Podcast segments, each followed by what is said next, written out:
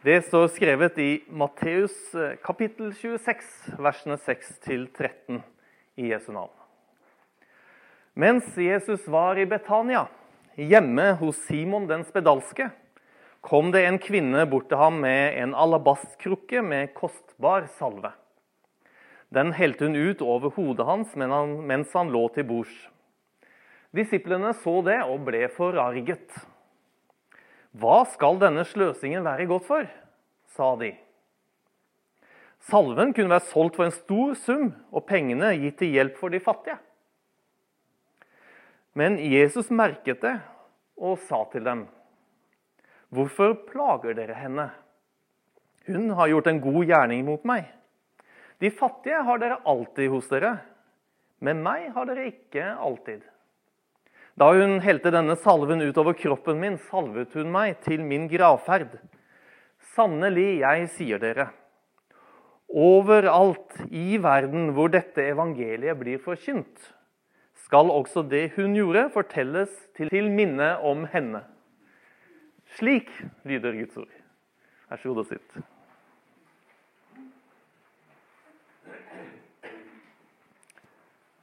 Skal vi be.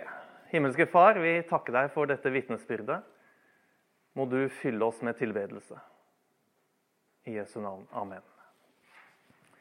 Eh, som sagt, denne teksten står i tre av fire evangelier. Den står i Matteus, Markus og Johannes. Når denne teksten, eh, liksom handler denne teksten eh, Hvilken tid handler denne teksten om?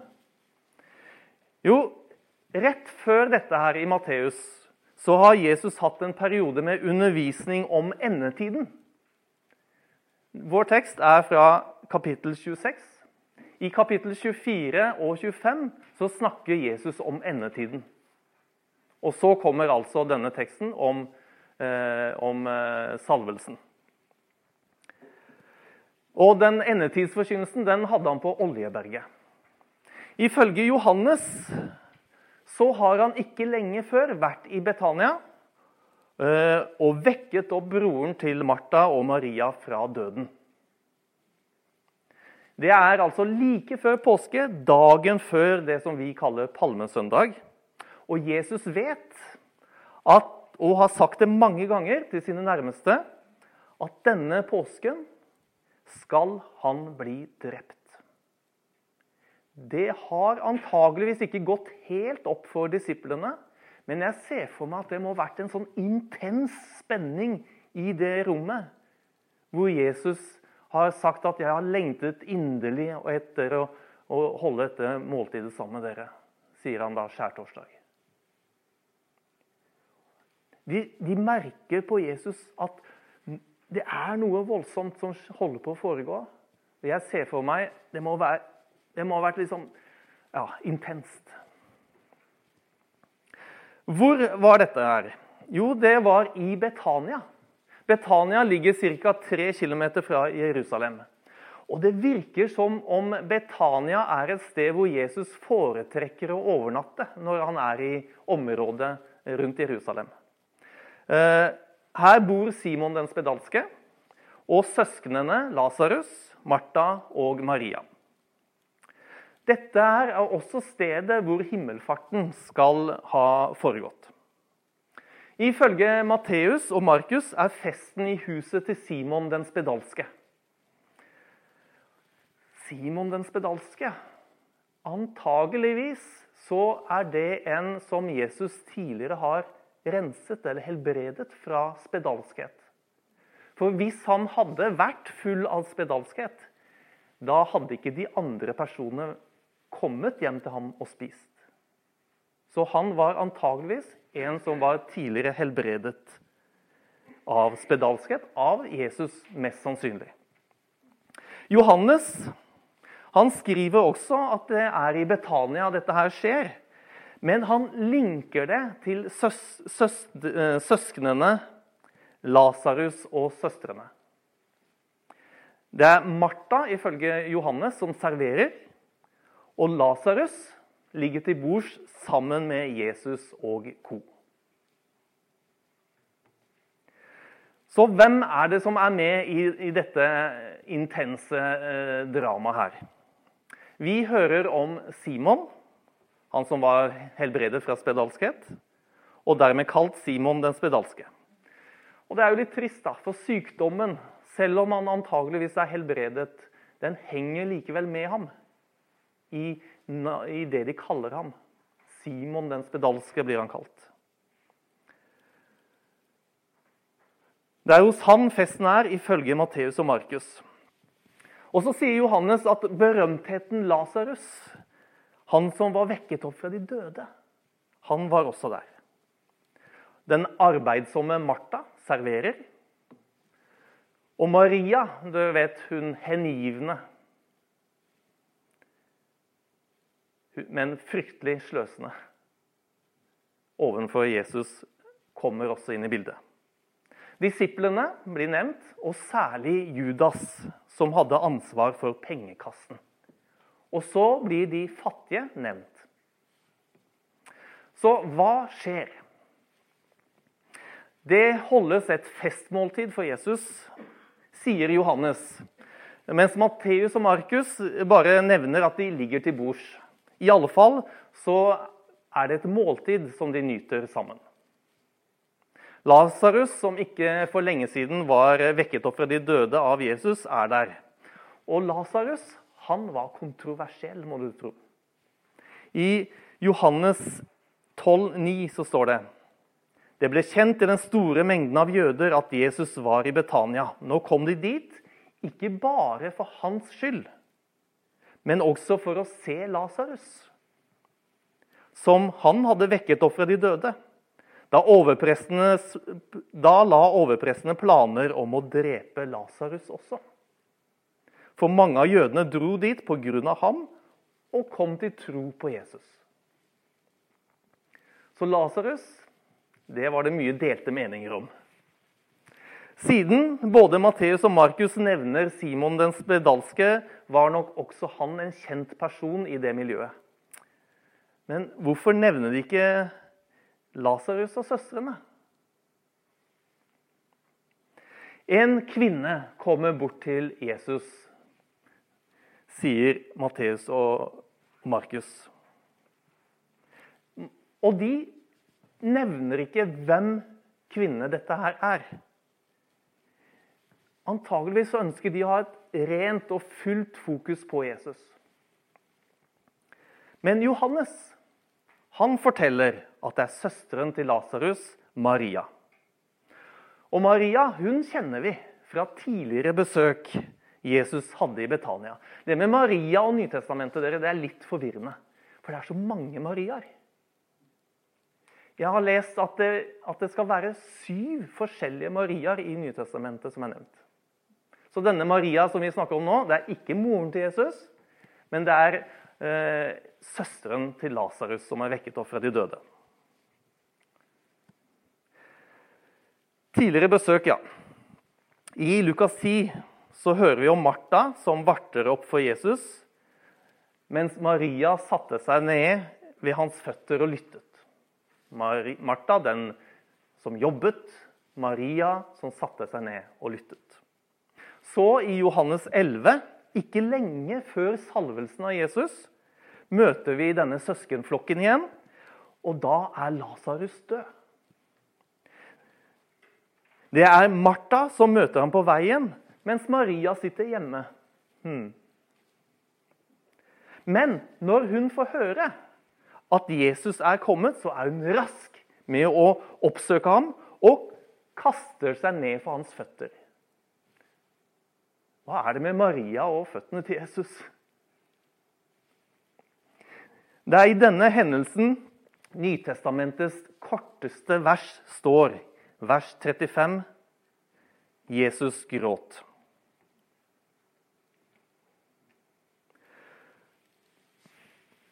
Så hører vi at Maria, eller denne kvinnen, har med seg en alabastkrukke. Er det noen som vet hva det er?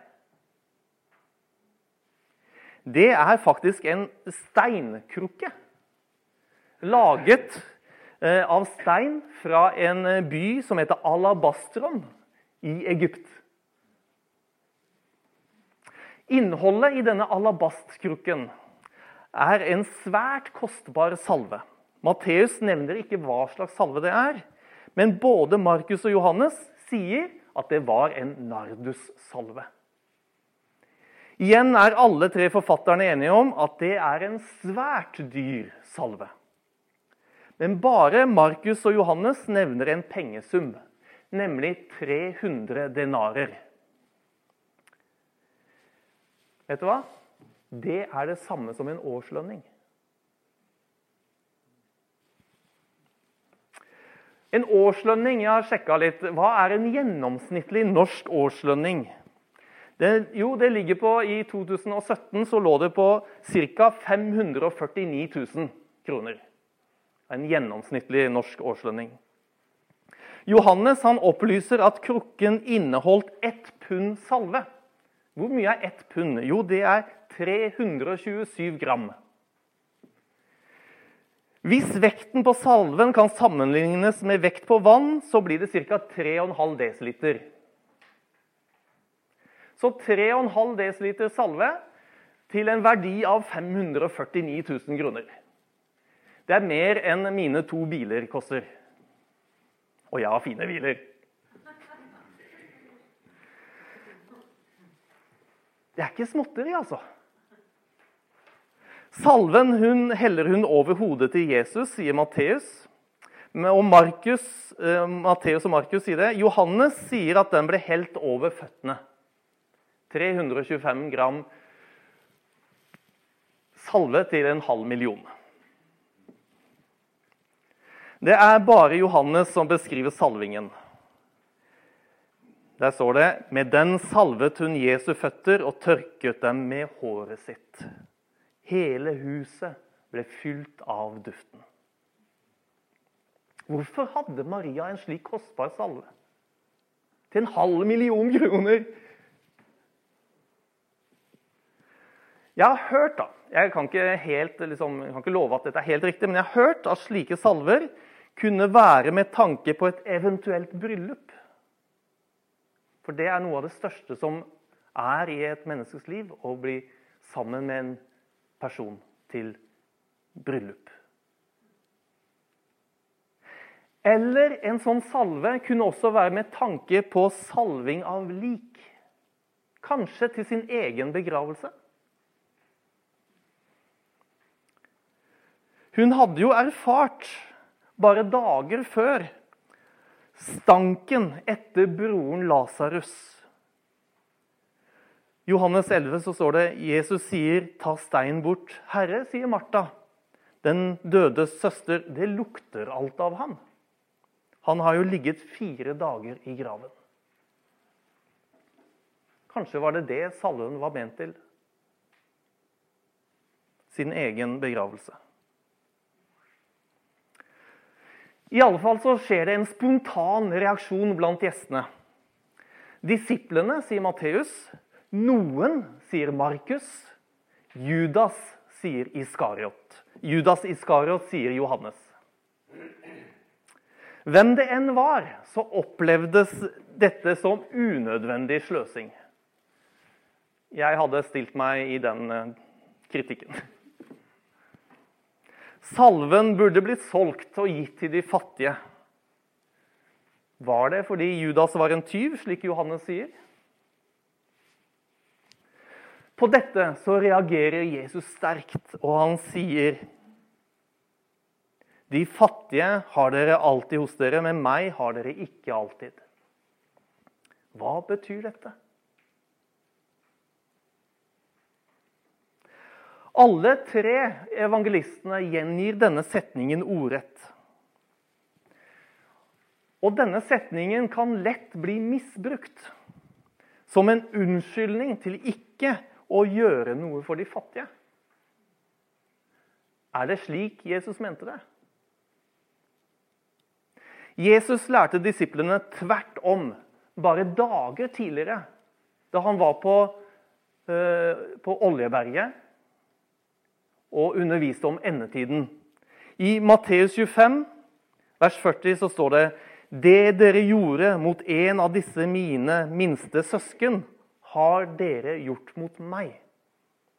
Altså kan det ikke være det det betyr, som Markus understreker ved å legge til, og dem kan dere gjøre godt imot så ofte som dere vil. Jesus var fysisk legemlig til stede der og da. Bare i de dagene, bare noen få dager senere, så skulle han bli drept. Han skulle ikke være iblant dem sånn som han var der og da, så mye lenger. Mens de fattige, de ville alltid ha iblant seg. Det vil si mennesker som følger Jesus, oppsøker de minste i samfunnet. Det er en konsekvens av å følge Jesu lære. Å følge Jesu fotspor handler om å gå til de minste i samfunnet. Konsekvensen av det, hvis vi følger Jesus, er at det vil være fattige iblant oss. Hvis det ikke er fattige iblant oss, dere Og der tror jeg kanskje vi i Hønefoss frikirke må Dette må vi ta litt til etterretning. Hvis det ikke er fattige iblant oss, da er det kanskje noe galt.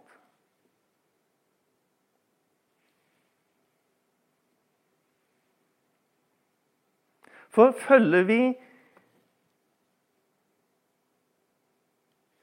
Følger vi egentlig Jesu bud om å elske vår neste som oss selv?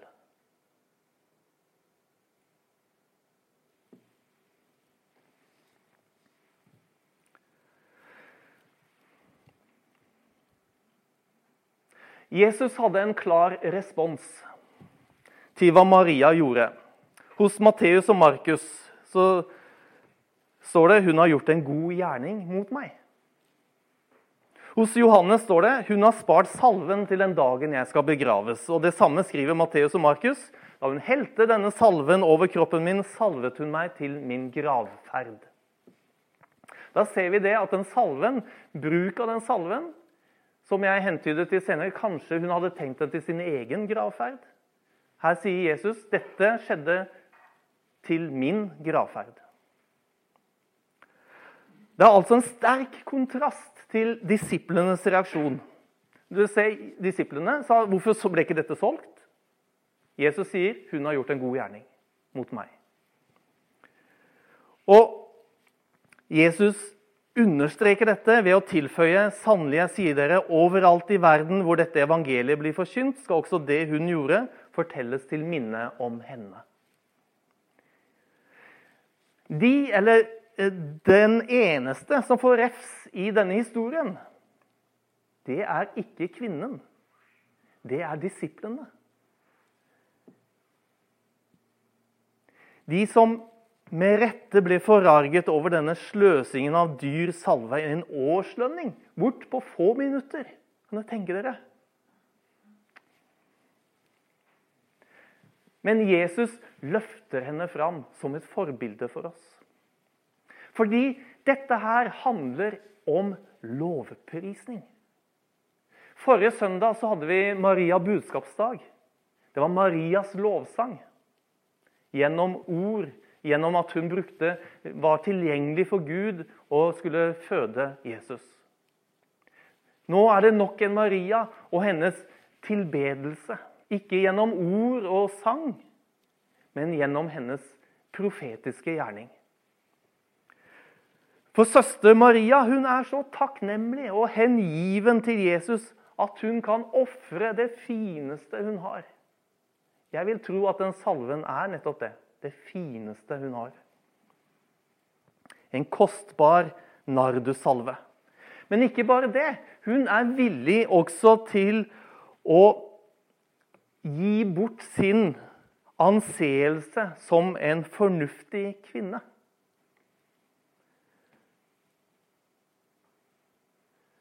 For det står det Da kom Maria med et pund ekte, kostbar nardussalve, og med den salvet hun Jesu føtter og tørket dem med håret sitt. Hele huset ble fylt av duften. Det er en vanvittig sterk lovprisning og tilbedelse. Og da har jeg noen poenger på det. ene er at dette å gi en lovprisning, det er kostbart. Matteus 26, 7, så står det kom en kvinne bort til ham med en alapastkrukke med kostbar salve. Dette var dyrt, og det har vi fått høre om. Det andre med lovprisning er at det kan ikke tas tilbake. I Markus 14 så står det hun brøt krukken og helte salven ut over hodet hans. Jeg har lest det, at det å bryte en sånn alabastkrukke det var vanlig. For Som vi så på et bilde tidligere, så var det kanskje en litt sånn smal tut. Og Det var lagd av stein. For å få ut alt måtte man bryte den. Så det var altså noe som ikke kunne bli tatt tilbake. Når krukken er brutt, så er den jo ødelagt. Så vi må fullføre sin gjerning. Det er en lovprisning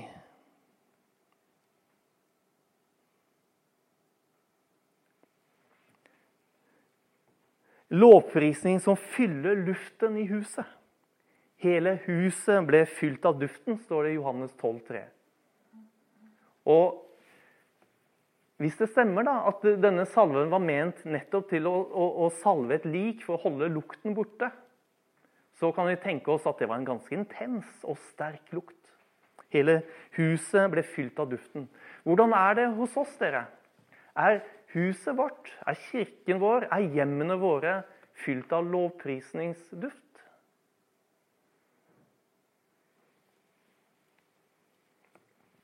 En annen ting med lovprisning er at folk blir irritert. Disiplene så det og ble forarget. Kanskje vi ikke skal være så redde for det?